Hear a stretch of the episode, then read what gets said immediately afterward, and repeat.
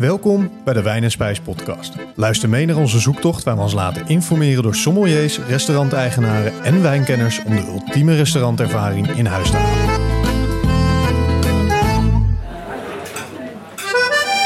Ja, welkom bij alweer de vierde, jawel de vierde aflevering van de Wijn en Spijs podcast. Jongens, wat gaat dit ontzettend snel. We zijn al bij de vierde aangekomen met vandaag ook weer een ontzettend leuke, bijzondere gast bij ons aan tafel. Uh, Roger Langenhout. Roger heeft een indrukwekkend track record binnen de hospitality en wijn en is een ware expert op dit gebied. Zo heeft hij lesgegeven over hotel en hospitality bij het Eurocollege te Utrecht en was hij COO bij hotelketen City ID. Um, in 2022 opende Roger de Harlem Social Club, een wijnbar met een Manhattan-uitstraling waar maar liefst 90 wijnen per glas en 150 op fles van over de hele wereld worden geserveerd. Deze unieke plek is een paradijs voor wijnliefhebbers en wijnproevers met diverse wijnen en heerlijke bijpassende gerechten. Roger, welkom. Ja, dankjewel jongens. Wat, uh, wat uh, leuk dat je er bent. Um, ook een uh, echt een, een horeca-ondernemer, denk ik, die ons vanuit een heel andere hoek van alles kan vertellen over wijn. Um, misschien leuk om, om, om, om heel even in te gaan, want ik, ik lees 90 wijnen per glas en 150 op fles. Ja, dat zijn er inmiddels 200 geworden. Nee joh. Vanuit de passie voor wijn. ja, het, ik kan er wel 400 uh, in huis halen. Maar op een gegeven moment moet je bepaalde keuzes maken. En uh, we vinden het onwijs leuk om, om wijn beschikbaar te maken voor, uh, voor alles en iedereen. En ook als je nog niet zo ervaren bent in wijn, kom vooral langs om te proeven. En het proeven, daar gaat het bij ons een beetje om in het concept. Ja, want jij, die, die, die wijnbar, dat is echt waar je iets inderdaad, hè, een, een, een aantal glazen uh, uh, kan proeven. Hoe gaat dat te werk? Stel, ik, ik loop bij jullie naar binnen. Wat, wat kan ik verwachten? Nou, je ziet meteen een enorme wijnwand met daar 84 wijnen. Die, die gasten zelf tappen. En dat kan per glas, per half glas en zelfs per slokje. Oh. En uh, ja, dat maakt het dus heel erg aantrekkelijk om, uh, om dingen te proeven die je misschien nog nooit eerder hebt uh, geproefd. Of te ontdekken en te bevestigen van ja, dit vind ik dus echt lekker. En daar gewoon lekker een glas van bestellen. En wat merk je dat bestellen mensen dan eerst even een, even een slokje? Of, of, of, gaan ze gelijk voor doe maar nou schenk, schenk maar vol? Of... Ja, je hebt, je hebt eigenlijk wel twee typen gasten. Je hebt de gast die heel voorzichtig is. Die gaat eerst een slokje nemen voordat hij daar meer van gaat tappen. Want de gasten tappen zelf. We hebben dus glaswerk beschikbaar staan. En uh, mensen werken dan uh, ja, een, een, deel van, van de wijntapkast gaan ze langs om, uh, om eens wat verschillende dingen te proeven. En je hebt gasten die precies eigenlijk al wel weten wat ze willen hebben. En die vragen dan meteen, hey, waar staan die dikke witte wijnen? Zodat ze direct aan de slag kunnen en kunnen drinken wat ze willen. Meteen knallen. Die komen vaker, ja. ja. die komen vaker. En dan komen ze daarna achter van, oh ja, maar jij hebt ook hele andere mooie dingen nog, die wat lichter zijn. En ja vaak van ja, dan is het toch een beetje lastig om van zo'n hele dikke smaak weer terug te gaan naar een wat lichtere stijl. Maar goed, we helpen ze daar dan wel weer doorheen. Wat, wat is de reden dat je, dat je, dat je de, de Harlem Social Club bent begonnen? Um, nou, de reden is, is een, een diepe passie voor wijn, uh, die door heel uh, mijn carrière eigenlijk een, belangrijke rol heeft gespeeld. Ik ben altijd in, in welke functie dan ook uh, bezig geweest met wijn. En um, dus ik vond het belangrijk in de volgende stap, waarin ik het ondernemerschap heb opgezocht, daar vorm aan te geven. Ik wilde ook wel iets innovatiefs. En ja, met het gebrek aan, aan, aan, goede krachten in de horeca heb ik, moest ik ook daar goed over nadenken. En daardoor ben ik bij het Bar de Glas wijntapsysteem terechtgekomen. Wat, ja, wat de mogelijkheid biedt om dat allemaal samen te pakken in één concept. En dan zou je denken, eh, op het moment dat je dan zo'n wijnbar opent, dan ga je misschien de uitstraling nemen van een, van een Frans wijnveld. Maar jij hebt voor iets anders gekozen. Ja, dat klopt. Um, dan gaan we even terug in de tijd. Ik, ik ben begonnen aan de finologenopleiding, lang geleden. En ik kreeg tijdens de opleiding de kans om als sommelier aan de slag te gaan bij Holland Meerkelijn. Ik mocht het nieuwe vlaggenschip van de, de Holland mee helpen openen. Wow. dat was in Venetië, in Veneto. En uh, ja, daar, uh, uh, daar, vanaf dat moment ben ik uh, ja, met wijn heel erg actief geweest. En ja, hebben die reizen me ook op verschillende plekken over de hele wereld gemaakt. Ik heb wijngaarden op alle continenten mogen bezoeken en mogen proeven. En wijnmakers en wijnmensen vooral leren kennen. wat een bijzonder slag volk is. En, ja, je komt op de mooiste plek op de wereld terecht op die manier. Dus dat was waanzinnig. Gaaf, joh. Ehm, ja, eigenlijk eh, eh, zou ik al iets eerder met deze vraag moeten beginnen. Maar ik, ik, ik moest toch gelijk even ingaan op die eh, 90 eh wijnen per glas en 150 op fles. Maar ehm, ja, onze eerste eh, aftrapvraag. 200. Ehm, of sorry, Ja. inmiddels 200. Ja, ik moet, ik moet wel goed, eh, het is niet goed bij zitten. te houden. Het is niet bij te houden. Ehm, wat is jouw allermooiste, fijnste, bijzonderste wijn-spijs-ervaring die jij je kan herinneren?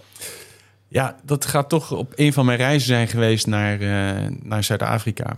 Ik, ehm, ik was in het prachtig gebied, eh, in het plaatsje Hamilton. Dat is in eh, eh, Walker Bay. Ehm, daar heb je een heel mooi weggetje, gaat de bergen in. Heb je daar een fantastisch wijngebied, vallei van hemel en aarde. Nou, dat zegt al iets van hoe bijzonder het eh, is. En er is een hele bijzondere wijnmaker die, ehm, eh, die het vak geleerd heeft in, eh, in Bourgogne. Maakt daar Chardonnay en Pinot Noir. En zijn vrouw is kookboekenschrijfster. En ehm, in al haar gerechten wordt gebruik gemaakt van heel veel verschillende en bijzondere, unieke kruiden die je hebt in Zuid-Afrika. en Oké. Die je nergens anders in de wereld vindt. Dus we hebben daar een prachtige lunch gehad op hun, eh, op hun estate. Met dus gerechten van eh, deze dame, met de wijnen van haar man. Bij hun thuis, met uitzicht over, over de wijngaarden. En eh, Wauw. fantastisch aangelegd. Ja, ik krijg gewoon weer kippenvel als ik erover praat. Lokaler wordt het niet. Het was fantastisch. Het was briljant. Ja, gaaf, joh. Ja, Dus dat is mijn allermooiste herinneringen. En eh, je serveert ook eh, eh, gerechten. eh, Zeker. eh, bij de Harlem Social Club. Ja. Ehm, hoe is dat tot stand gekomen? Eh, eh, eh, eh, Zei je tegen jezelf, ik wil dus wat met mij doen. Ik ga hier een wijnkast neerzetten. En ik ga vervolgens eens kijken welk gerecht bij eh, al deze 200 wijnen eh, eh, past. Of eh, hoe, hoe heb je dat aangepakt? Hoe heb je die kaart aangepakt? Nou, ik, ehm, ik, ik benader wijn eh, niet zo ingewikkeld. Ik, ik wil niet ingewikkeld doen over wijn. Het gaat over smaak. Eh, er zit natuurlijk een heleboel techniek en een, en een, he- ja, heleboel wetenschap ook achter. Maar waar ik van weg wil blijven is, is snobistisch doen over wijn, wat heel makkelijk is om te doen. Ik wil wijn vooral heel erg toegankelijk maken. Dus ehm, ook in, in, de, in de price range van de wijnen die ik aanbied, het begint al bij 4,50 euro voor een glas, voor een vol glas. En dat loopt op tot, ja, eh, ik heb ook gekkigheid eh, op de tap gehad eh, van 49,50 euro voor een glas Tignanello van, van het huis Antenori. Ja, Ehm, maar ja, dat is een beetje gekkigheid. Maar om het toegankelijk te houden, eh, wilde ik geen restaurant worden. Want dan krijg je een hele andere sfeer in de zaak. Het is een uitgaansgelegenheid waar je lekker ontspannen kunt genieten van wijn. En daar heb ik gerechtjes bij gezocht die ook toegankelijk zijn. Dus het is niet een, eh, een, een, een bord met een, een garnituur erbij en een saus apart. Nee, het is allemaal klip en klaar. Nou ja, een van de gerechten die we zo meteen gaan bespreken met, met een wijn die we gaan proeven is eh, de camembert fondue bijvoorbeeld. Ehm, Heerlijk. Enorm populair. Met het lekkerste stokbrood wat ik kon vinden in Nederland. Eh, hè, dus dat dan weer wel. Eh, we gaan wel op zoek naar altijd kwaliteit. Die buren En- worden er misschien wat minder blij van, van de, van de geur. En nou, ik krijg ook trek, denk ik. ik, ik, ik nu al. Zonder geur. Komen Ja, meteen ja, langs. oh. Ja. Ja. Heerlijk. Dus dat even als voorbeeld. Ja. Ik, vind- ik vind het een heel leuk concept. Ik vind het echt... eh, ik, ik word er helemaal enthousiast van. Ik kom zeker langs. Ja, dat, zeker eh, dat weten. absoluut. Ehm, ja, ik zou eigenlijk willen zeggen, laten we starten met de eerste wijn. Eh, de eerste van de vier is een rosé. De lekkerste om denk ik mee te beginnen. Ja. Ehm, voor de luisteraars thuis, die hebben dit pakketje eh, met deze vier wijnen al kunnen bestellen van tevoren. Dus die proeven waarschijnlijk live met ons mee. Voor de luisteraars die dat niet doen, doe dat Oh, oh, volgende oh, oh, oh. aflevering. Of luister de aflevering terug en proef dan met ons mee. Want we, ja, we gaan eigenlijk stapsgewijs door die vier wijnen heen van Vinify. Eh, ja, om, en, en dan laten we jou eigenlijk uitleggen wat, eh, wat we moeten proeven, hoe we dit moeten doen. En vooral ook de, ja, ik denk toch ook wel leuk, de etiketten erachter. Ja, Hoe, nee. hoe, hoe- je zei het net zelf, hoe heurt het? Hoe heurt het nu Ja. eigenlijk? ja, nee, eh, helemaal leuk jongens. Eh, ja, wat hebben we? We hebben een, eh, een vrij bleke rosé uit het zuiden van Frankrijk. IGP Mediterranee. Mediterranee, ja, dat zegt natuurlijk alles over de regio waar het vandaan komt. Kijk, dit is zo'n zo'n wijn, daar kun je maar één ding in vergissen. En dat is dat je te weinig in huis hebt gehaald. dit is een wijn die, die, die heeft zo'n doordringbaarheid. Na- dat eerste glas wil je meer. En voordat je het weet is die fles leeg. En eh, ga je door naar de volgende. En daar is deze wijn eh, ja, eh, perfect voor gemaakt. Het heerlijke zomerse gevoel. De barbecue, het aperitief. En eh, ja, zoals ik net al zei bij ons in de wijnbar, eh, ja, hier de camembert van nu bij. eh, lekker wat stokbrood, een beetje bleekselderij. Dus eh, genieten. Lekker fris. Ja. De wijn heet et moi. Dus, maar ik dacht, ik dacht gelijk, ja, het is meer toi et moi. Hè? Want je wil deze wel echt samen, samen met iemand opdrinken. Ja, zoveel plezier mag je, mag je niet voor jezelf houden, Precies. inderdaad. Dus ehm, ja, de bleke rosés, hè, dat, dat is eh, de grote hit in, eh, in Nederland. Ehm, blijf een beetje weg van de rosado's en, en, en de, wat, wat, wat meer extractie, eh, de, de wat donkere rosés. Ehm, ja, dit, dit is wat mensen willen. Ehm, mooi op het fruit, eh, heel erg doordrinkbaar. Je hebt dat, dat, dat beetje dat water wat in je mond komt als je dit aan het drinken bent. En dat, dat geeft aan de doordrinkbaarheid van deze wijn. Dat krijg ik dus als ik ruik, dan denk ik al, Ja. ik wil een slokje nemen. Ja. Ja. Ja. Ja.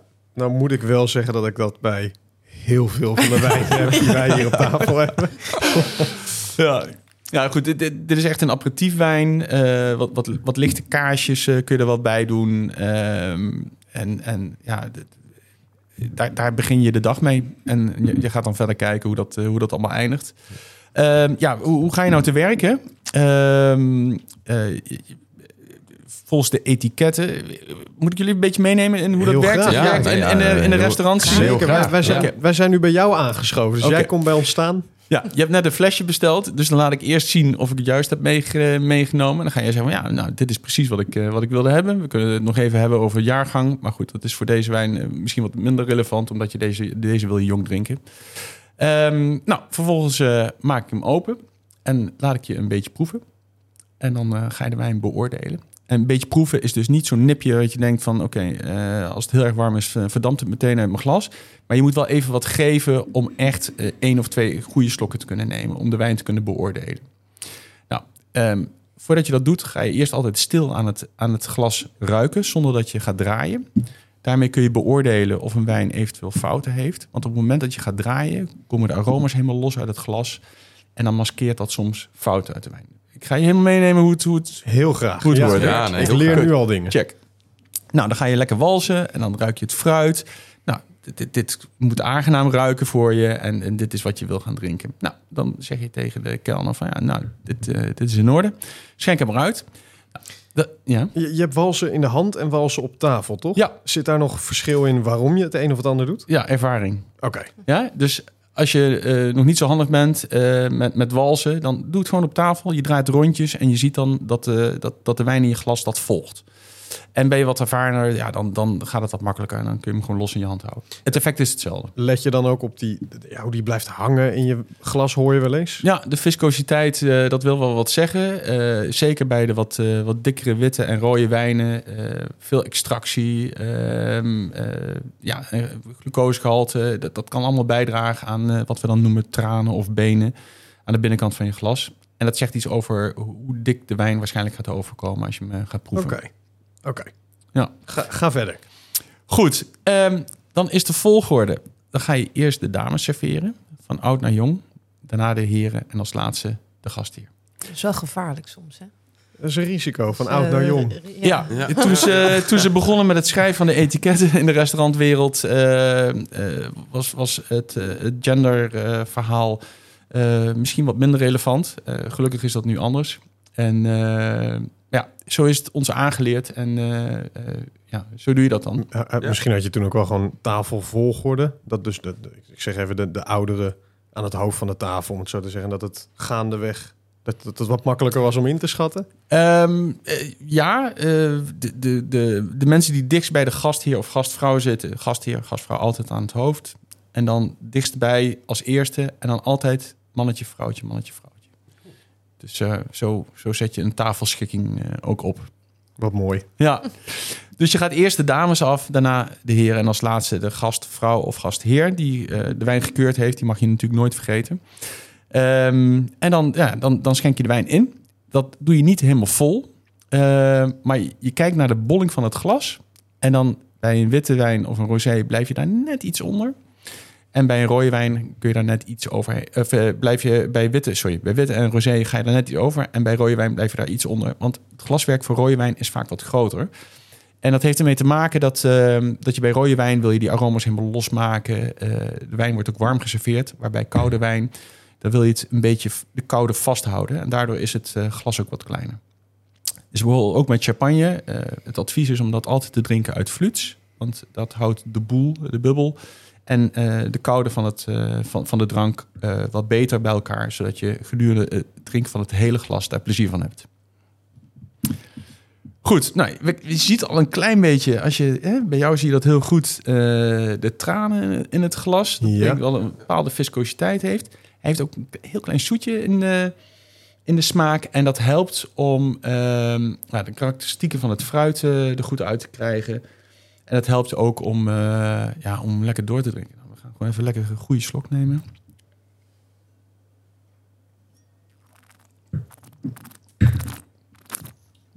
Nou, wat je mij hoort doen is een beetje dat slurpen. Het, het opnemen van, eh, van wat zuurstof bij de wijn. Dat maakt er extra aroma's los. En dat helpt mij om, om een wijn te beoordelen. Welke fruit proef ik nou? eh zoet of Ja, het heeft, het, het, je proeft echt het, het fruit. Ehm, beetje, eh, ja, wat, wat, wat krijgen we eigenlijk? Wat, wat, wat, ik vraag dat altijd aan, aan mijn gasten, want niet iedereen proeft hetzelfde. Maar wel, welk fruit zou je, zou je beoordelen? Nou, het, het is een, het is een, ik, vind qua fruit vind ik het, vind ik het lastig. Ik, ik merk wel een beetje bloemig. Beetje, eh, we- misschien zou ik ook helemaal naast kunnen zitten. Nee, jouw Maar- smaak is, wat- is jouw smaak, hè? Dat doet niemand Ja, aan. dat is een, een, beetje, een, beetje, een beetje bloemig. Ik moet met, met- ja, heel fris. Ehm, ik denk qua, qua vruchten misschien ja, ook wat lichter, lichter fruit, denk ik. Niet heel eh, zwaar, eh, eh, vol, eh, vol fruit. Ja. Misschien een, eh, misschien een eh, appeltje, bijvoorbeeld. Eh, Rijpe peer, rijpe dat, peer. dat Ja. proef ik echt. eh, rijpe peer. Ja, en in de afdronk dan, dan wordt hij iets wat droger, hè? merk je? Ja. Dus, dus je hebt de, de drie fases van wijn. Dus de aanzet, het middenstuk en, en de afdronk. In de afdronk dan heb ik een beetje meloen. Heb je dat ook? Ik zit veel meer in de hoek van mandarijn, sinaasappel, meer. Ja, wat Ja. citrus? Ja, Ja, oké. dat, dat, dat was het eerste waar ik aan moest denken. Ja. Mm, Ja, dat. Ja. ja. Oké. Ja, maar toch ook wel een beetje jong rood fruit. Hè? Een beetje, een beetje framboos, een beetje aardbei. eh, Aardbei had Ja. ik ook. dat, maar toen dacht ik, eh, nou, dat, dat zal wel niet... eh aardbei was het, was het allereerste wat ik dacht. En daarna dacht ik, nee, het zit meer richting mandarijn, sinaasappel, hoek. Ja. Maar rood fruit kan dus ook. Ja, zeker. Ik bedoel, de, de wijn krijgt zijn kleur van, van eh, blauwe druiven. eh, waarbij er een stukje schil in werking is, maar niet te lang. Dus dan heb je een klein beetje extractie eh, van de kleur van, van de schil. Wat, wat ook bijdraagt aan de smaak. Daar waar we in witte wijn het vaak hebben over wit fruit... hebben we het in rode wijn vaak over rood fruit... en welke rode vruchtensoorten we terugkrijgen in de smaak. En eh, ja, door, met rosé is, kan dat eh, wel twee kanten op. Hè? Dus je hebt, eh, soms wordt er ook vaak nog witte wijn, eh, witte druiven toegevoegd aan, eh, aan een batch. Met name in de Provence. Daar zie je vaak dat Fermentino of Rol wordt toegevoegd. Soms een beetje claret. Ehm, en dat zijn dan de witte druivensoorten die bijdragen aan de structuur van de wijn. En hoe meer druivensoorten je toevoegt, des te meer laagjes je krijgt. Mhm. Vaak ook meer complexiteit. En ehm, eh, als de bodem eh, daar verder niet veel, heel veel meer te bieden heeft dan, eh, dan dat. En dan ga je dingen mengen. En dat is ook met deze wijn. Is dat ook de reden dat in de Provence, wat je net eigenlijk met die, met die witte druiven, de rosés, zoals we dat vorige aflevering hebben begrepen, lichter zijn uit de Provence? Vaak wat, wat meer, wat bleker? Nee, Ja. dat heeft niet zozeer te maken met eh, de witte wijn die wordt toegevoegd, maar echt met de extractietijd van de schillen op het sap van, van de blauwe druiven. Dus nog korter dan bijvoorbeeld in Spanje of... Ja. Oké. Het is ook maar in één gebied echt toegestaan hè, om een een rosé te maken, om echt rode wijn bij witte wijn te gieten. En dat is in de champagne. Dus, eh, en, en ergens anders mag dat niet. Ik heb het ooit een keer gezien, volgens mij bij de Keuringsdienst van Waarde. Dat ze inderdaad ehm, mensen ehm, die bijvoorbeeld ehm, ergens werkten, die met, met wijn werkten, gingen vragen van, goh, hoe maken ze nou rosé? En er waren wel mensen die nog niet zo heel veel kennis hadden. En die zeiden, nou ja, waarschijnlijk gewoon wit en rood een beetje bij elkaar. En dan krijg je toch een beetje een kleurtje. Maar uh, Dat hoort dat, niet. dat, dat, Nee, dat, dat hoort dat niet. is absoluut nee. niet zo. Oké. Nee. Maar dat mag dus wel in de champagne? Mag wel in de champagne. Oké. Ja. En wie heeft, wie heeft dat... De champagne heeft dat zelf bepaald? Of... Ja, elke, elke regio, nee, elke regio heeft zijn eigen wijnwetten. En dat helpt eh, de consument ook in het beoordelen en bepalen van wat wil ik drinken. En mag ik ook een bepaalde kwaliteit verwachten uit eh, een bepaalde streek. En champagne gaat daar eh, heel ver in. En, en misschien ook wel terecht. Ze hebben daar een uniek klimaat, unieke bodemsoort. En, en ja, een enorme historie. Dus probeer dat ook echt te beschermen. Dus champagne mag je ook alleen maar benoemen als het ook echt uit dat specifieke gebied komt. Anders is het prosecco of mousserend of... Nou ja, je, je hebt verschillende stijlen van mousserende wijn maken. Uh, uh, vroeger heeft dat een tijdje methode traditioneel geheten. Uh, dat is wat, wat, wij dan benoemen de manier van wijn maken zoals ze dat doen in champagne. Maar bijvoorbeeld in andere gebieden heet het uh, cremant. En in Spanje, ja. het Penedès, heet het cava. Ja, en het wordt wel een beetje op dezelfde manier gemaakt. Altijd ja. met de tweede vergisting uh, op de fles. Dus dat is eigenlijk het belangrijkste. Belangrijkste element, ja. inderdaad. Ja. En ze voegen dan stille rode wijn toe aan de mousserende wijn om, om rosé champagne te maken. Oh, oh ja, dus dat is wel uh, bijzonder. Nog nooit gedronken. Tenminste, staat natuurlijk wel in de winkel ook gewoon, toch? Tenminste, niet echt champagne dan, maar... Uh... Ja, wij Nederlanders, wij zijn niet zo champagne drinkers, maar het is in andere landen heel normaal om, om uh, ja, de, de avond of de middag te beginnen met champagne. Als je aan tafel gaat toch ook? Als ja. bij binnenkomst of als, uh, het eerste wat je bestelt? Of, ja, ja, ja s ochtends ja. zelfs toch? Bij, bij, als je bij het ontbijt af, af en toe Mimo, staat, er een, uh, staat er een goed ja. champagne. Ja, ja, nee, zeker. En champagne is een ochtenddrank, zeggen ze vaak. Okay. Ja. Kijk, dus die, die voor vijf, dat is prima. Compleet achterhaald. Maakt allemaal, precies, ja. Dat is niet meer van deze tijd. Wat zouden we hierbij serveren? Nou ja, wat ik al zeg, uh, zij, uh, je, echt een aperitief. Denk aan kleine leuke tapashapjes, een beetje die kant op. voordat je de barbecue begint, zet je tafel vol met, met wat, wat groentedips. Um, ja, wat milde kazen kun je doen. camembert fondue, wat ik al zei, heerlijk. Um, ja, daar, daar zou ik het voor deze wijn wel bij laten. Zodat er ook ruimte is voor om nog de volgende stap te kunnen maken in je, in je avond. Dan, uh, dan laten we het daar uh, ook bij. Ja, dan gaan we ook gewoon gaan naar de we door naar de tweede. uh, dit is volgens mij ook jouw favoriet uit, uit het pakket. Ja, zeker. Um, qua witte wijn, um, ja, absoluut. Um, het, het is een wijn die ook bij mij in de wijnbar ontzettend goed loopt. En vooral erg aan, in trek is bij het mannelijk publiek. We, we onderscheiden uh, uh, toch wel uh, de favorieten per, ja, per sekse dan, wat dat betreft. En we merken dat de dames die zijn op zoek naar zacht, fluweel, heel rond, goed boter. Dat, dat is wat echt populair is in de wijnbar bij de dames. En bij de heren mag het wat, wel wat krachtiger zijn. Mm -hmm. En ehm, nou, dat komt heel mooi naar voren in, in deze Chardonnay. Um, uit Castilla. Um, het, ligt, het wijngoed ligt iets ten zuiden van, uh, van Madrid, uh, in, in, de regio Toledo. En daar komt uh, ja, deze Chardonnay vandaan, die, die mooie houtrijping heeft gehad. En, maar voordat we te ver en te diep erop ingaan, misschien moeten we hem eens even openmaken. Nou, dat, normaal doen wij dat terwijl de gast de uitleg geeft. Ik dacht deze keer, dat hoort eigenlijk ook gewoon bij de etiketten van hoe open je nou een fles wijn. Dus ik wilde jou eigenlijk vragen, kan jij de fles openen en ons dan meenemen naar hoe open je nou een fles wijn? Ja, zeker. Het is toch iets wat ik vaak in een restaurantervaring uh, bij wat jonger personeel of uh, nieuw personeel vooral, uh, ja, merk dat dat nog wat onhandig kan verlopen soms. En dan, dan ja, dat is jammer, want het, is, het hoeft helemaal niet zo moeilijk te zijn. Nee, nou ik hoop dat ook de, de collega's uit de horeca misschien aan het luisteren zijn... en misschien nog tips kunnen meenemen over hoe je nou een wijn openmaakt. Nou ja, na het presenteren van de wijn, dan pas ga je hem openmaken. Dus je maakt hem niet eerst open en dan ga je daarna mee naar tafel en zeg je... is dit hem nou? Want ja, als het hem nou niet is, ja, dan, dan is, de is de omzet, of in ieder geval is de voorraad verloren. Goed, dus het makkelijkste werken is met een kelnersmes. En tegenwoordig heb je kelnersmessen met, uh, met een tweetrap systeem. Dat ga ik zo even uitleggen. Je maakt de capsule. Dat is dat, dat, die manchet die bovenaan de wijn zit. En je ziet dat daar een verdikking op zit. Nou, die verdikking is ter versteviging van de fles. Op het moment dat, dat de kurk erop gaat... dan komt er behoorlijk wat kracht op die fles te staan. En dan wil je niet dat het breekt. En uh, het, het, geeft ook uh, aan de kelner in dit geval uh, de mogelijkheid om, om te bepalen van nou ja, waar ga ik nou beginnen met snijden. Dat doe je onder de rand. Want je wil niet dat de wijn over, het, ehm, over de capsule heen het glas ingaat. Dus daar gaan, gaan we mee beginnen. Het meest ideale is als je de fles met het etiket naar de gast weet te houden. Dus dat het etiket continu zichtbaar blijft. En dan snij hem open.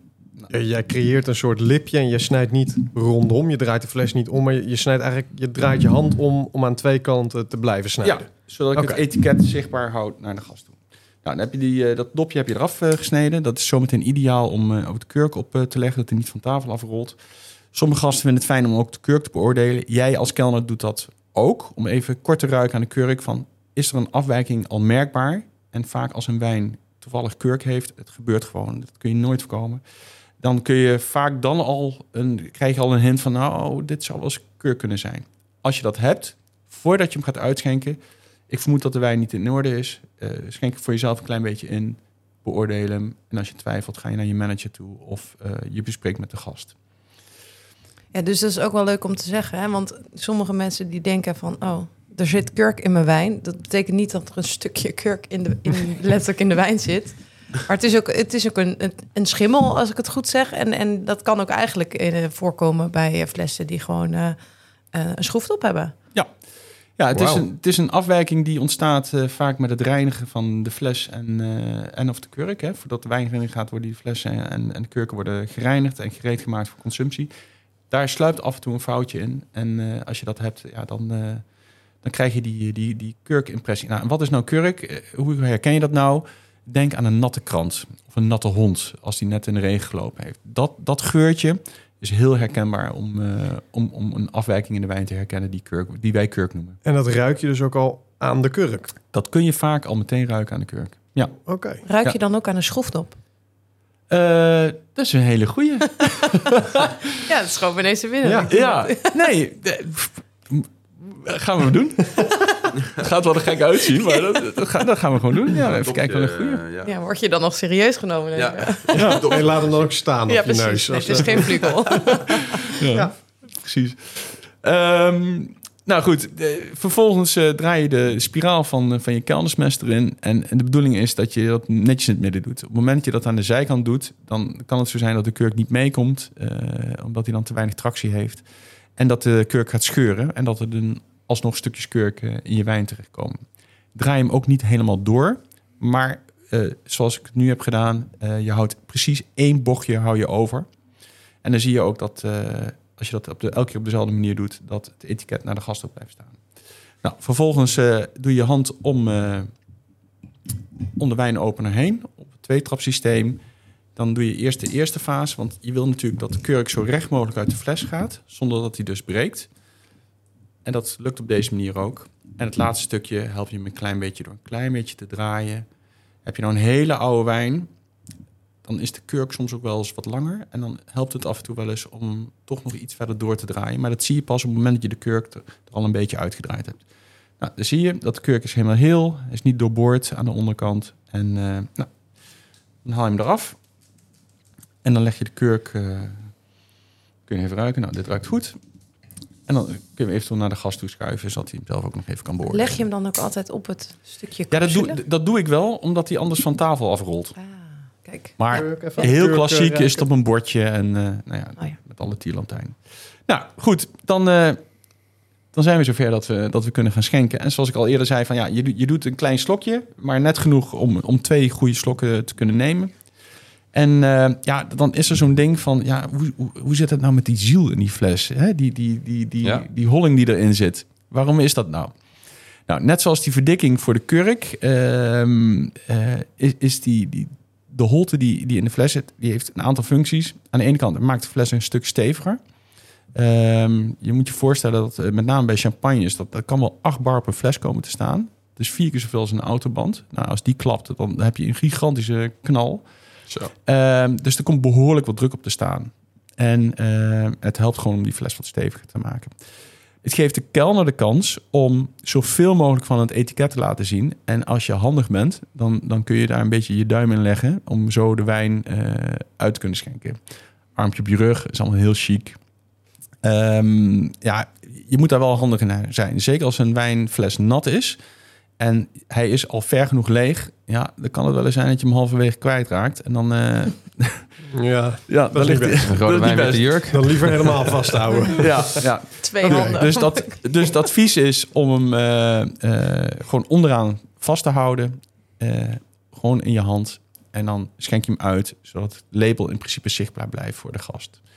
En wat vaak is, namelijk, eh, wijn is emotie. Wijn is, ehm, ook als je gaat ruiken aan de wijn, je gaat nadenken over wat ruik ik, waar was ik, Eh, waar ken ik dit van. En de associatie van geur, aroma, smaak in combinatie met het etiket wat je ziet, helpt je om te beoordelen, zeker als je de wijn al kent, eh, gaat je helpen om, ja, dit- inderdaad, dit klopt. Dus dan is de match van wat je ruikt proeft, samen met eh, wat je ziet, dat klopt dan. Dus dat, dat helpt je om, om de wijn te beoordelen. Is dat ook iets wat je, wat je gedurende wellicht eh, met, met, met, gerechten doet? Op het moment dat je dat gaat, eventueel gaat samenstellen of gaat koken. Eh, omdat, om, om die wijn-spijservaring, eh, dat, je, dat je eigenlijk hetzelfde toepast. Dus je gaat kijken, hey, klopt dit? Ik, komt het overeen? Of juist helemaal niet? Ja, ik, ik, als ik ga uit eten, ga ik eerst de wijn bestellen. En daarna dan ga ik eens een keer kijken wat ze te eten maken. En dan ehm, op basis van wat ik, wat ik proef in mijn wijn, dan krijg ik al meteen iets binnen van: oké, maar ja, dit wil ik erbij eten. En eh, dan hoop ik ook dat ze zoiets eh, dan kunnen aanbieden op dat moment eh, in een menukaart. En dat is een beetje, ja, dat is een beetje mijn, mijn wijngekkie eh, eh, manier van doen. Maar ja, dat, dat, dat komt bij mij echt binnen. Als ik een wijn ruik en proef, dan kan ik al meteen zeggen: Oh, dit gaat er lekker bij zijn. En eh, ja, naarmate je dat wat een beetje oefent, ook voor jezelf, dan ga je dat ook ervaren. En anders eh, kijk je gewoon eh, even op de website eh, met wat, eh, wat het advies is. En dat gaat je ook zeker helpen. We hadden het daar met Edwin in de eerste aflevering ook over dat dan eigenlijk, vroeg ik hem dan in ieder geval, de wijnkaart dan toch eerst neergelegd moet worden en je daarna dan eigenlijk pas de menukaart voor, voor het eten zou moeten gaan bespreken. Maar meestal wordt het gewoon alle twee neergegooid. Kijk maar even wat je doet. Ja. En dan heb je een bijbel aan wijnen. Zeker met jouw 200 wijnen denk ik dat je misschien wel met een tablet werkt. Nee, nee, nee. Ja, het is gewoon nog een boekwerk. gewoon nog op papier. Ja. Ja, dat, dat, dat, daar, daar is niet uit te komen dan toch? Qua... En dan staan ze ook nog binnen drie minuten bij tafel. Weet je het al? Ja, nee, precies. Nou ja, het uitkiezen van de wijn is een taak voor de gastheer. En ondertussen kunnen de gasten vast eh na gaan denken eh, wat ze gaan eten. De volgorde is wel, in een normale leven, is dat eh, de gasten bepalen wat ze gaan eten. En daar zoekt de gastheer uiteindelijk de wijn bij. Dus daar, dat is een samenspel van, hey, wat, wat ga jij eh, eten? En eh, nou, dan ga ik even kijken, oké, iedereen... eh, zit aan het vlees en ik heb net een hele mooie fruitige verdecho gevonden die ik wil gaan serveren. Gaat hem niet worden. Dus daar moet je als gastheer dan ook over nadenken over hoe je dat, hoe je dat gaat aanpakken. Het is gewoon, is gewoon een serieuze taak dan die je hebt. Toch? Het is vooral heel erg leuk. Dat, dat absoluut. Ja. Dan zijn we bij het volgende wijntje Ja, even voor de luisteraars, want hoe heet deze wijn? Dat hebben we nog niet nog genoemd. goeie. Dus Ja. eh, wel goed om even te benoemen, anders weet niemand wat, eh, wat ze uiteindelijk moeten kopen. ja, we hebben voor ons de Ladera de la Vega. ehm, fermentado Amarica. Dus dat betekent dat hij op hout is, eh, is opgevoed, gefermenteerd en opgevoed op hout. Eh, het is een Chardonnay eh, en hij komt uit, eh, uit Spanje. Wat ik al zei, een, eh, een, een wijngebied eh, ten zuiden van Madrid, in de regio Toledo. Ehm, zes maanden houtlagering gehad. En eh, het wordt gemaakt van eh 20 jaar oude stokken. Maar waarom zijn 20 jaar oude stokken? Waarom is dat interessant te vermelden? Dat betekent dat stokken die wat ouder zijn, die, die bouwen net zoals als mensen vaak wat meer karakter op.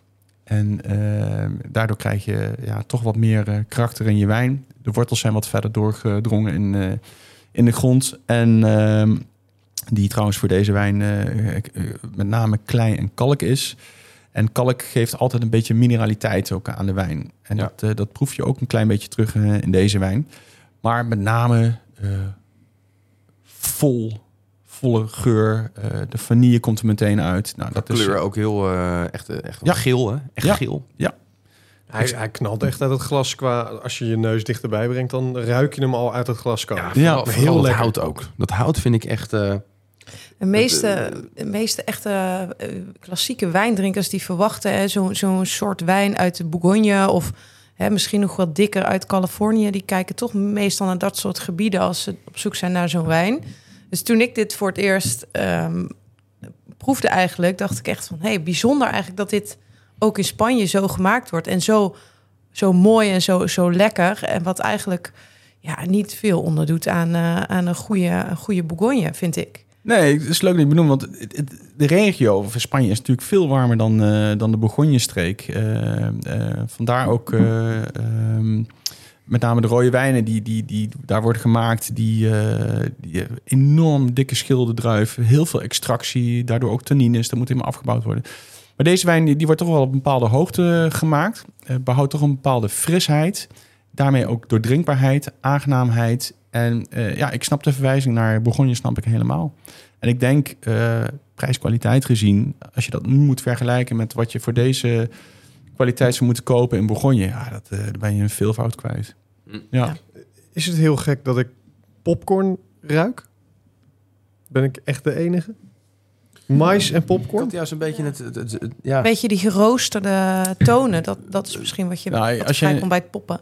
Als, als je de, bij, ehm, eh, bij de bioscoop die, die karamel popcorn neemt, dan begrijp ik Ja. wel wat je bedoelt. Dat is precies... Nee, nee, dat was niet...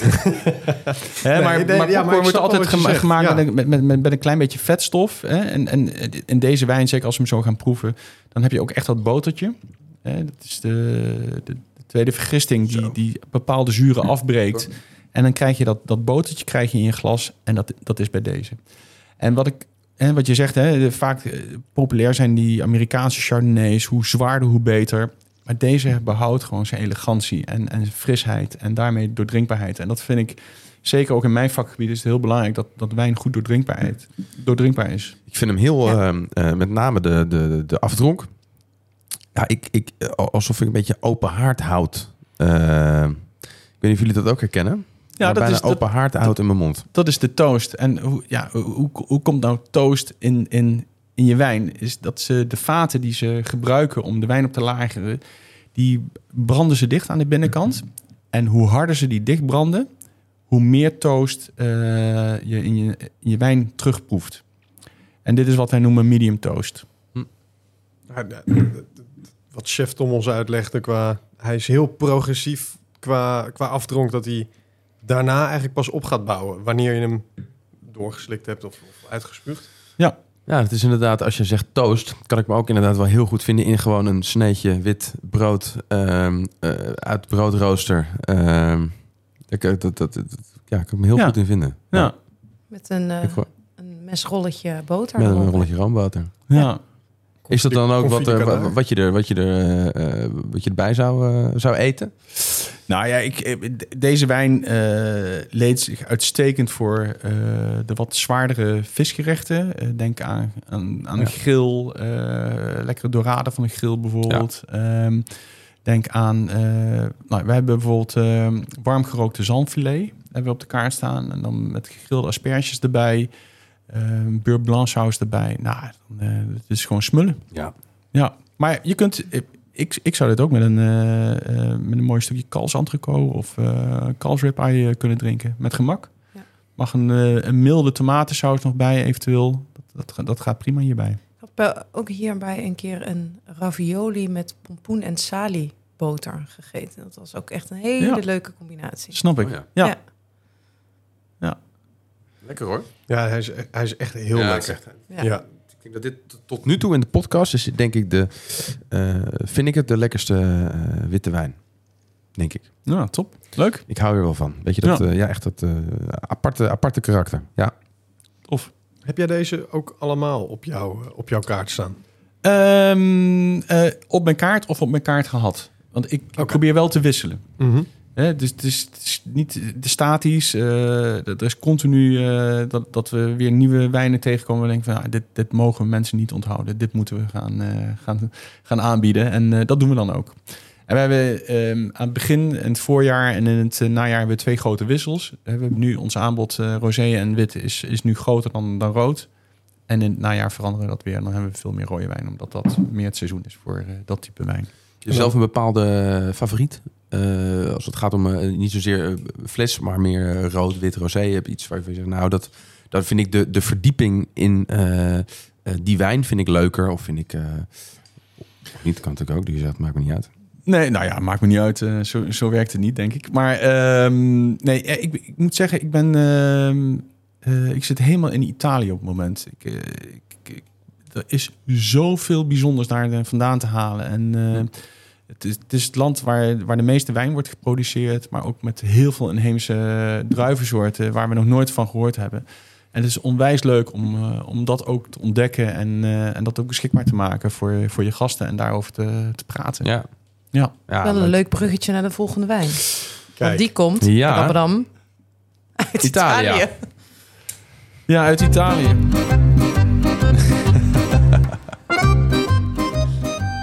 Ja, wat, wat, wat, voor, eh, wat, voor, eh, wat voor wijn hebben we hier? Italië? Ehm, Ja, we hebben eh, een, een hele zwoele rode wijn hebben we uit, eh, uit Italië, uit de hak van Italië. Het, eh, het gebied Puglia. En ehm, de, de beschermde herkomstbenaming eh, die bij deze wijn hoort is Salis Salentino. En het zit echt in het midden van de hak van, eh, van Italië. Dus eh, we hebben daar invloeden van de, de Ionische Zee en de Middellandse Zee. En eh, ja, het is een, ja, koelte overdag of eh, in de avond eh, vanwege de zee. Maar het wordt daar bloedje, bloedje heet. En ehm, eh, de stad, eh, of het dorpje, Salis Salentino. ehm, daar iets ten noorden van, eh, daar, worden, daar zijn de wijngaarden van, eh, van deze wijn. En ehm, het is 90% Negro Amaro en 10% Malvasia Nera. Eh, waarom Nera? Nera is, is- is zwart in het, eh, in het Italiaans, maar je hebt ook een, eh, een, een witte Malvasia. En die wordt ook verbouwd daar in dat gebied.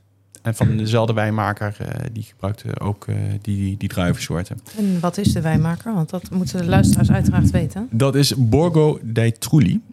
En ehm, ja, dat betekent eigenlijk niks anders dan het, het gehucht of het dorp van de Trulli's. En wat is een Trulli? Een Trulli is een, een klein eh, stenen gebouwtje wat, eh, wat eh, in het begin van het bestaan van Italië werd, werd opgebouwd. Er werd belasting over geheven. En wat deden ze? Dus ze deden geen cement tussen de stenen. zodat die snel weer afgebroken kon worden. En ergens anders weer opgezet kon worden. En ja, dat vind je doorheen eh, het hele gebied. eh, vind je dat ook op de wijngaarden van, eh, van deze wijnmaker. En dus een eerbetoon aan, aan de regio. Het eerbetoon aan de regio is niet alleen aan de regio zelf, maar ook aan de natuur. Deze wijnmaker die werkt met name organic. En dit is ook een vegan friendly wine. En ja, helemaal in lijn met de zorg die we moeten hebben voor, voor de natuur. Terwijl we ook eh, gewoon op een goede manier zaken kunnen blijven doen. Dus dat eh, pakt deze wijnmaker fantastisch goed aan. Nou, het is een reserva. Eh, dat zegt vaak iets over de lagering. dus hoe lang de wijn op, op hout en in het domein blijft. En, maar dat is niet bij wet altijd helemaal helder vastgelegd. Maar het benadrukt wel over het karakter van deze wijn. Dat hij heel mooi gelaagd is vanwege zijn lagering. Nou, ik ben altijd op zoek naar laagjes in de wijn. Hè. Hoe meer laagjes eh, je vindt, eh, hoe, hoe complexer. Nou, door het gebruik van de twee druivensoorten wordt dat, eh, wordt dat ook zeker bereikt. Een hele mooie, gloedvolle aanzet. Die blijft erg plakken. Ehm, en daarna zet hij door in een hele mooie, ja, lange afdronk. Ehm, ja, het is gewoon een, ja, een complete wijn, noem ik dit. Is ook vrij donker. Ja, we hebben het eerder gehad over de extractie van, eh, van de druivenschillen. Dat is bij deze wijn eh, eh, zeker aanwezig. Het is echt goed donker. Dat, dat hoort ook bij het type druif. Hè. Om alle smaken er goed uit te krijgen en, en balans te brengen in de wijn... heb je die extractie ook nodig. Om het vervolgens daarna door middel van houtrijping zachter te maken... en geschikt voor consumptie. En eh, ja, ik denk dat dat eh, heel goed gelukt is in deze wijn. Het is, het- ik vind het persoonlijk een hele zachte, hele, een hele makkelijke rode wijn. Ja, Makkelijk, niet in de negatieve zin, maar echt, echt gewoon een... Ja, gewoon, Fijne wijn op het drinken. ja fijn. Dat is, Ja. dat is een beter woord. Ja, ik, vind, ik, ik ben het helemaal met je eens. Ehm, je, je moet ook niet vergeten wat we hiervoor gedronken hebben. Wat, wat ook een hele dikke wijn eh, is. Dus we gaan op, op het juiste tempo door naar deze. Ehm, maar ik, ik vind het wel een eetwijn. Je moet hier wel, denk ik, bij eten. Ja. En, en Ja, gaan we wat toch dan? weer vlees eten, denk ik. Ja, Ja, we gaan wel, eh, we gaan wel, eh, we gaan wel naar vleesgerechten toe, ja. En eh, denk aan een... eh, we hadden het net al over kalfsvlees bij bij vorige wijn. Maar een mooie ossobuco eh zou hier perfect bij gaan. Lam misschien zelfs ook. Ja, ik denk het wel. Zeker. Ik denk ook wel dat ehm, een gerecht best wel eh, peper kan hebben. Want ik vind in die wijn heeft, heeft ook een beetje dat, dat witte peper aan het eind. Toch best wel een beetje pittig. Ja, het is een, sp- een spicy wijn, 100%. Ja. Dus dan mag je ook zeker in, eh, eh, in, in als je denkt na dan denken over de saus of de bijlagen, dat mag best wel, eh, best wel tegenover staan. Ik vind het ook leuk om, eh, om een beetje te, te eh, eh, hele andere smaken bij een wijn toe te voegen die wel dan bij elkaar eh, goed bij elkaar passen. Dus de clashen. De clasje. Ja, dus bijvoorbeeld als het zoet is, juist iets heel tegenovergestelds gaan, gaan, gaan koken. Ja, je, je kunt op twee manieren een wijn-spijscombinatie eh, maken. Of je gaat er vol tegenin, of je gaat erin mee. Maar dat vol tegenin, dan moet je wel, dan moet je wel met iets eh, goeds eh, op komen. Wil dat lukken. Maar ja, ik En denk- eigenlijk doe je dat dan met die camembert. Hè? Met, die, met die, eh, die romige camembert die je dan serveert bij een frisse rosé. Dus eigenlijk is dat iets heel erg tegenovergesteld. Maar dat, dat frisse, dat snijdt eigenlijk door, juist door die romigheid van die dat vette van die kaas. Ja, zeker. Maar de- wijn moet het nog wel steeds kunnen dragen. Ja. En, en hè, bij, bij die rosé die we net geproefd hebben, lukt dat zeker. Ehm, ja, je zou, als je gek wil doen, eh, eh, op jouw vraag ingaande... eh, iets van chocola zou je hier ook wel eh, bij, eh, bij durven proberen. Ja, ik wilde net al even vragen van... Goh, als je dan vegetarisch bent... wat, wat eh, zijn dan de opties bij dit soort wijnen? Hè? Want dan ga je echt meer in de, misschien paddenstoelen... of, of echt eh gerechten met veel groenten en specerijen. Pasta. Ja, ik, ik, denk dat je ook daar in het seizoen eh, in mee kunt. Ik denk in de zomer eh, een, een, een mooie lasagne opgebouwd met gegrilde groentes en, en een goede tomatensaus erbij, waar je ook eh puntpaprika's in mee laat, eh, laat, laat koken. En ehm, eh, een pepertje, wat salieblad, wat je zei. Een goede risotto misschien. Ja, zeker. Dat, ik vind dat we zelf wat meer richting eh, al het najaar gaan. Eh, zeker als je met champignons gaat werken. Wat, wat bijvoorbeeld hier perfect mee zou kunnen gaan. Een beetje truffel er doorheen. Lekker. Lekker hoor. Ja. Mooie wijn. Ja, hele mooie wijn. Ja. Ehm, en we hadden het net al, ook al even over, ehm, eh, over glaswerk. Ehm, wat, wat, is, wat, is, wat maakt een glas nou goed of geschikt? Ja, het is echt bizar. Je moet de test maar eens een keer doen met, eh, met, met een wijn eh, die, je goed kent.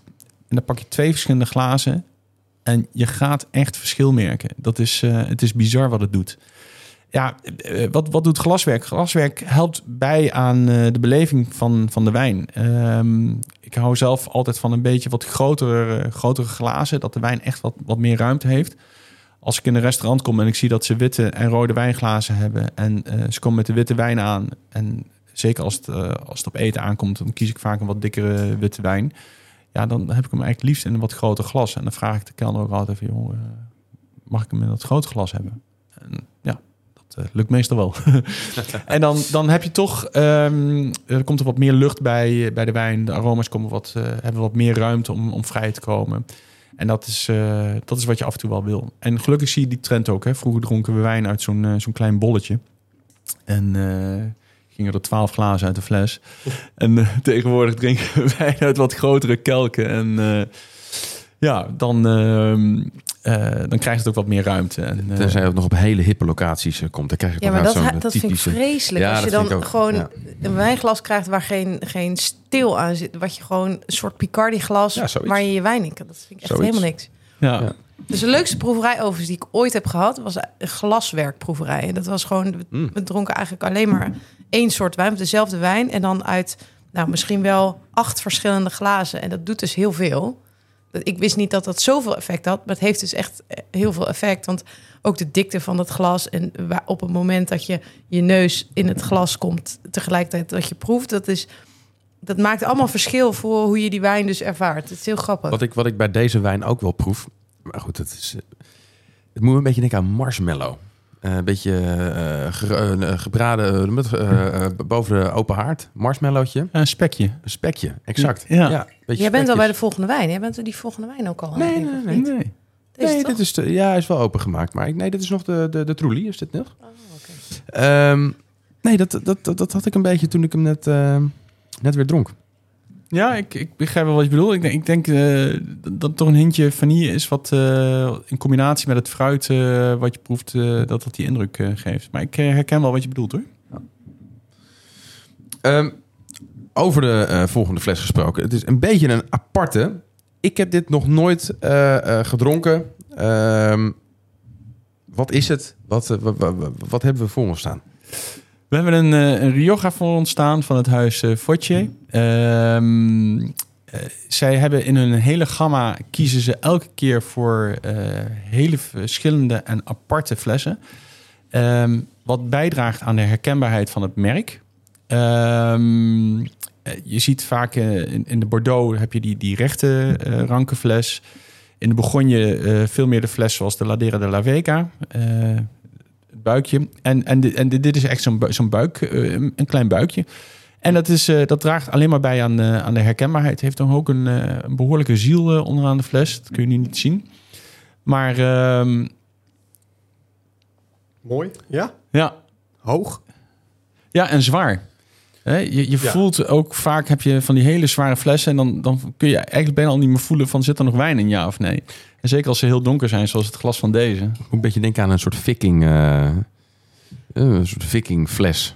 Eh, is best wel stoer, hè, Ja. hè, toch? Ja. eh, Ja. Wat, je, wat je tegen misschien een schip...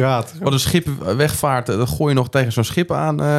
Ja, het is het. Ja. Deze zou ik er alleen niet achteraan gooien. Dat is echt zonde. Ja, de- deze maakt misschien wel schade aan het schip. Want eh, het is een, eh, echt een lekkere dikkerd. Ehm, ja, wat, wat je ziet hè, als de wijn, die wordt nu net ingeschonken, is een enorm donkere kleur. Eh, heel veel extractie. Dat gaat ook absoluut iets zeggen over de hoeveelheid smaak die we zo meteen eh, in de wijn gaan proeven. Ehm, het wijnhuis van, eh, en de wijngaarden van deze wijn die liggen op de grens van eh, Navarra. In het, eh, in het gebied wat is aangeduid als, eh, als zijn eh, Rioja. Het is een reserva. En reserva zegt in de Rioja echt iets over de tijd van, van rijpen. Nou, deze wijn heeft eh 24 maanden houtrijping gehad.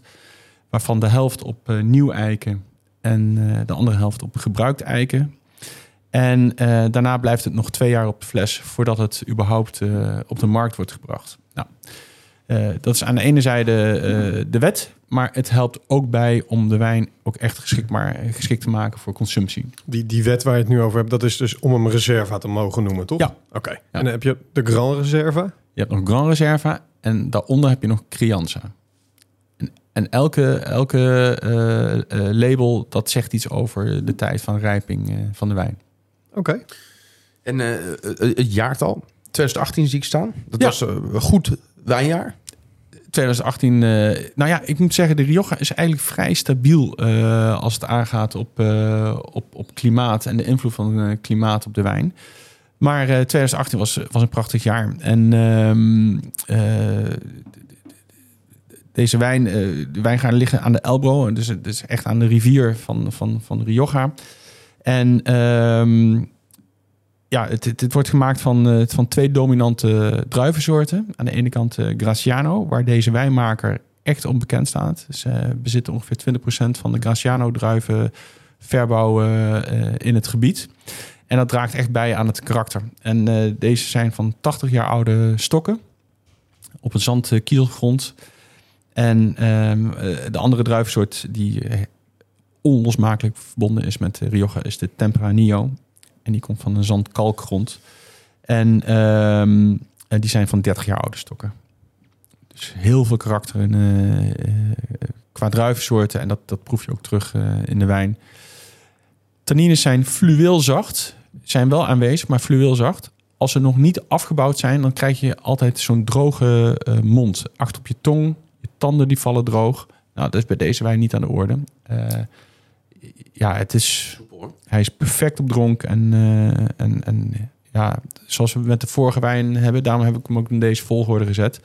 Eh, deze is nog intenser en, en nog meer extractie, nog mondvullender. En eh, ja, eh, ja, een prachtig glas. Dus doet me hier- echt denken aan cederhout. Ja? Weet je, en dat zoethout, cederhout, dat, dat Ja, soort specerijen, ja. die, die die vind ik kou je stokjes echt... bedoel je? Die zoethout, kou. Ja, ja, ja. Nee, het is meer dat Ja, hout wat in een sigarenkistje zit. Dat ja, hele dat is meer dunne hout. cederhout. Ja. Zoethout is echt Ah, wel ja. een beetje specerij, wat zoeter. Cederhout wat meer getoost. Een beetje pruim, eh, licht. eh, Ja, wat, wat, wat confijt. Ehm, Ik denk dat je er wel uithaalt. Eh, kerst vind ik ook wel aanwezig. En dan niet de rode kers, maar meer de amarene kers. De, de, de wat donkere kers. Ja. Ja. Ik weet niet of je wel eens eh, geflambeerde kersen hebt. En dan die kersen die daarvoor gebruikt worden, die, eh, ja, dat, dat, dat krijg je er echt wel uit. En dan is eigenlijk het enige nadeel aan de wijn, vind ik persoonlijk, toch wel de vorm. Want je, je kan hem nergens kwijt. Niet in je, niet in je koelkastvak, niet in je, je wijnkastvak, niet in een... Je moet hem echt. Meteen echt een aparte plaats of meteen, meteen drinken. Is dat de bedoeling dan? Eh, nou ja, dat is sowieso het advies. Maar eh, nee, ja, ik, eh, ik, ik, ik heb een, in, in de zaak heb ik hem in een wijnkistje liggen. En dan liggen ze opgestapeld, zo om en om. Ehm, en dan krijg je een soort, ja, een soort ja, patroontje, zeg maar. En dan blijven ze goed liggen. Dus eh, gewoon plat leggen en... eh, Je moet er zeggen dat als wij hem dan. versturen vanuit Vinify, dat het ook wel altijd even passen en meten is als deze in een doos komt met verschillende wijnen erbij. Ja, Dan ja. moeten we altijd even creatief nadenken van hoe gaan we deze nou Ja. eh daarin goed, stoppen. Heeft de luisteraar thuis natuurlijk geen boodschap aan. Niet Nee, die absoluut knop en, eh, en die, deze heerlijke wijn... En het eh, komt die, thuis, die, maar- die, komt binnen. hè? Ja, Mooi. Ja, en Vautier betekent echt de, de, stem van de wijnmaker. Hè? En dat laat hij dus echt in al zijn, eh, zijn wijnen eh, ja, horen eigenlijk. nou. Proeven. Mooi hoor. Ja. Hele mooie fles. Ja, en wat, gaan we hierbij eten, jongens? Ehm, toen ik hem voor de eerste keer proefde, dacht ik meteen aan eh, gelakt buikspek met een klein beetje, beetje soja. Oh. Eh, het smelt op de tong, maar wel, wel, wel met een krokantje nog. Ehm, het liefst van de barbecue natuurlijk. En ehm, ja, een gerecht wat wij hebben, wat, wat je, waar je ook een aantal tonen van terugproeft eh, in, in, in de wijn, is eh, we hebben een, eh, een. Dus het is een geconfijt eendenboutje. En eh, ja, dat maken we warm in een schaaltje. En onder in het schaaltje doen we gewelde abrikozen. En die wellen we in een klein beetje suiker, cardamom, sterrenijs. En, en die cardamom, die, die krijg je ook een beetje terug in deze wijn. En daarom is die, die combi is zo geniaal. Ja, daar komen, daar komen mensen voor. Hey, en heel veel, eh, heel veel eh, mensen thuis die denken vaak... ik trek een rode wijn open en ik ga een lekker kaasplank bij serveren. En eigenlijk, mijn, mijn favoriete wijn- en kaascombinatie... is eigenlijk altijd kaas met witte wijn. Want ik vind dat veel eh, passender vaak. Maar stel je wil hier een kaas of zo bij, bij serveren... wat, wat, eh, zou jij dan, eh, wat zou jij dan voor kiezen? Nou, het mag wel wat steviger zijn. Een, een, een echte goede, smaakvolle, wat hardere kaas eh, zou je hier prima bij kunnen doen. Maar wat ook binnenkomt bij mij als ik deze ruik, is, is Magor. Dat is ehm, eh, blauw met, eh, met, met een beetje, be- beetje crème ertussen. Ja, dat, dat gaat ook eh, heel erg goed doen. Want bijvoorbeeld een blauwaderkaas mag wel een klein beetje een zoetje hebben. als, als tegenhanger. En dat, dat gaat met deze wijn ook wel. Maar hij mag niet te scherp zijn. Dus vandaar... eh, Vandaar... vandaar Van, van een nagelkaas, oude nagelkaas of zoiets. ja. Ja. ja, of iets met... eh, ja, het is wat commerciële, maar iets met gember er doorheen. Dat, dat zou ook nog wel gaan. Oh ja. Dat zie ik ook nog wel gebeuren. Lekker hoor. Heerlijk. Ehm, Hebben, zijn, we, zijn we door de vier wijnen heen? Volgens Hebben we mij besproken wat zijn we, zijn we door, door vier ontzettend lekkere wijnen weer. Ik vond het ook, vind het ook een hele, eh, hele mooie, mooie set dit. Ehm, lekker om, eh, eh, om op, op vrijdag om eh uurtje of vier, vijf mee te beginnen. En na je hoofdgerecht met bij je dessert misschien wel te eindigen met een lekker kaasplankje.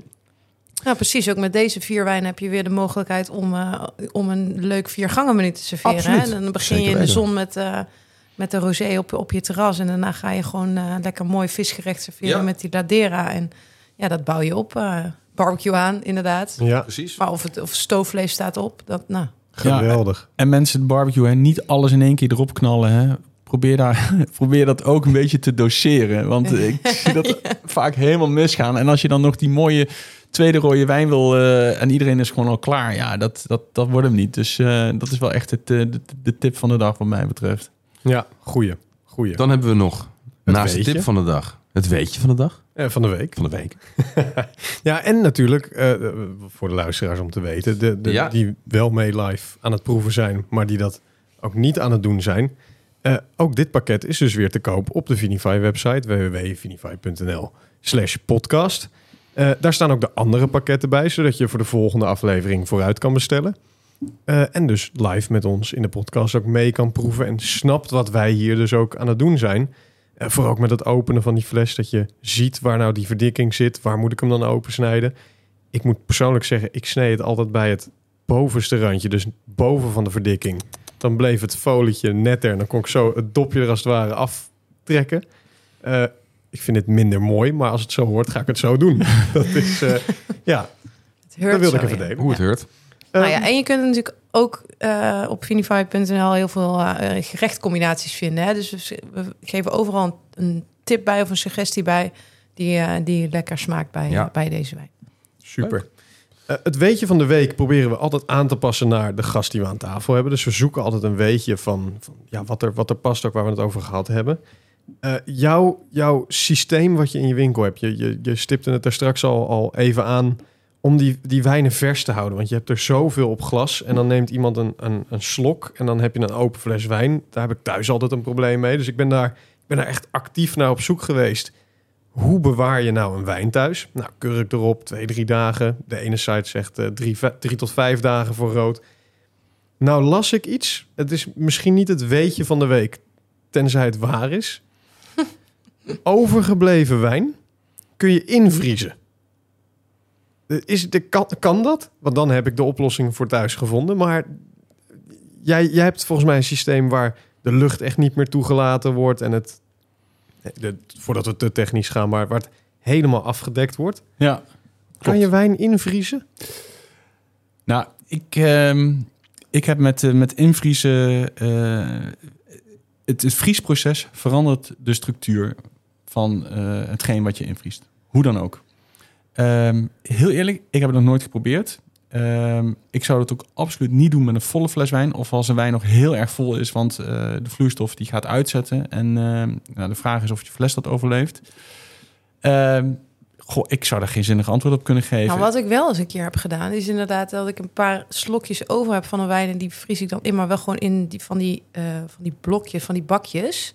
En dan ijsblok- gebruik ik- ijsblokbakjes. Ja, maar Dat dan gebruik ik lekker. het dus voor, voor bij een saus of bij een, of bij een jus of, of iets dergelijks. Want het gaat dan uiteindelijk om de smaak. Ah, dat is wel een goeie. Dat Maar, wel blijft, het dan, blijft het dan wel langer dan vijf dagen goed bijvoorbeeld? Is het dan opeens wel... Ja, als je iets invriest, dan stopt gewoon het verouderingsproces. Ja, eh, maar Mousserend kan sowieso niet. Want dat is, dat is natuurlijk... eh, dan gaat de koolzuur eh, eh, gaat weg zodra die bevriest. Hetzelfde met een biertje. Als je een biertje bevriest dan, eh, en je ontdooit hem meer... dan heb je geen, geen biertje meer. Maar ik denk dat het... ehm, omdat het natuurlijk verschillende dingen... eh, onder, wij hebben verschillende onderdelen... Dus het, het water, zeg maar, dat zal natuurlijk eerder bevriezen. Dat zal ook eerder, eerder eh, ontdooien. Waarbij de, de alcohol niet echt bevriest. Eh, maar aan de andere kant er zit 14% Dus ik denk dat het misschien de wijn heel erg in de war brengt. Denk ik hoor, geen idee. Maar dat zou mijn gevoel zeggen. Ehm, in plaats van als je inderdaad een, een, een waterijsje waar het allemaal toch hetzelfde is. Of, een, eh, of water. eh, als je dat invriest. Goed, ik, ja, Ik zou het gewoon niet doen. ik zou het ook niet Nee, doen. Nee. het Nee. voelde ook niet... eh, Nee. Nee, het, Nee. het voelt ook niet helemaal juist, geloof ik. ik Moet kan me heel zeggen. erg vinden wat je zegt, Roger, van je, je verandert sowieso de structuur. Ja, 100%. En ik, ik kan dan eigenlijk wel met zekerheid zeggen, sowieso de richting op waarin je de wijn niet wil hebben. Dus je Nee. verandert het in negatieve zin. Ja, precies. En kijk, wat ik, wat ik zelf altijd adviseer is... al- rode of witte wijn, maakt niet uit. Gewoon goed kurk erop doen en dan in de koelkast zetten. En als je weet van de rode wijn ga ik dan en dan drinken... haal je hem op tijd eruit. En eh, dan, dan is dat volgens mij de manier waarop je hem beste kunt goed houden. Je hebt tegenwoordig ook allerlei systemen op de markt... die eigenlijk een beetje eh, eh, geënt zijn op wat ik zelf in de wijnbar heb. Hè. Dus ik werk met argongas om, om zuurstof weg te houden bij, bij de wijn... En daardoor kan ik ook hele mooie, wat duurdere wijnen eh, langer eh, eh, goed houden om te kunnen serveren aan mijn gasten. En tegenwoordig heb je ook allerlei systemen op de markt die dat in verkleinde vorm aanbieden. Dus dan gaat er een naald door de kurk heen. En schenk je via die naald schenk je de wijn in je glas. En daarmee kun je de wijn maximaal op dit moment. volgens mij is dat het beste systeem op de markt op dit moment. En, kunnen we wat aanraden aan zoveel dagen als je gewoon thuis kurkt erop, terug in de koelkast. Hoe voller de fles is, hoe beter. Want dan heb je eh, minder zuurstofinwerking. Ehm, maar eh, een dag of drie, dan, eh, dan is het wel klaar. Oké. Oké. Ja, en sommige wijnen die rijpen natuurlijk sneller, die wat ouder zijn, die, als die al in contact komen met zuurstof, dan gaat het al heel snel. Het verouderingsproces wordt steeds, gaat steeds sneller, dus Ja. Kun je ze echt niet zo lang bewaren. Het is goed dat je dat zegt, want dat is Ja. een veelgemaakte fout. Is dat, eh, oh, dat is een oude wijn, die gaan we eens even, Ja, even oh, decanteren. even decanteren, overschenken in zo'n karaf. Oh, ja. Ja. En ja, dat, dat wil je niet. Want de wijn is dan al heel erg eh, fragiel. En, Ja. eh, en je wil niet overmatig veel zuurstof hebben. Dus het decanteren van wijn is echt voor jonge wijn... die eigenlijk nog niet helemaal op dronk is. Waardoor je extra zuurstof eh, toevoegt... waardoor de wijn eh, op dronk gaat komen. Mooi, dus een waardeloos weetje van de week. Maar We- wel, eh, leuk om weten we ook weer. Ja. Weet je van de week, vries je wijn niet in. ja, precies. Ehm, ja, eh, eh, Roger, hartelijk dank voor je, voor je komst. eh, het delen van je kennis. eh, alle eh, inspiratie die je ons weer hebt gegeven op het gebied van wijn Spijs. Wij gaan eh, lekker, eh, lekker de keuken in. Lekker, eh, ik denk dat ik even eh, koffie de kanaar eh, eh, bij dat eh, flesje ga open eh, ga, ga maken. Ehm dankjewel. En, ehm, ja, We zien elkaar zeggen, snel in Haarlem. ja, Hartstikke leuk tot de jongens. En eh santé. Santé. Yes. Santé.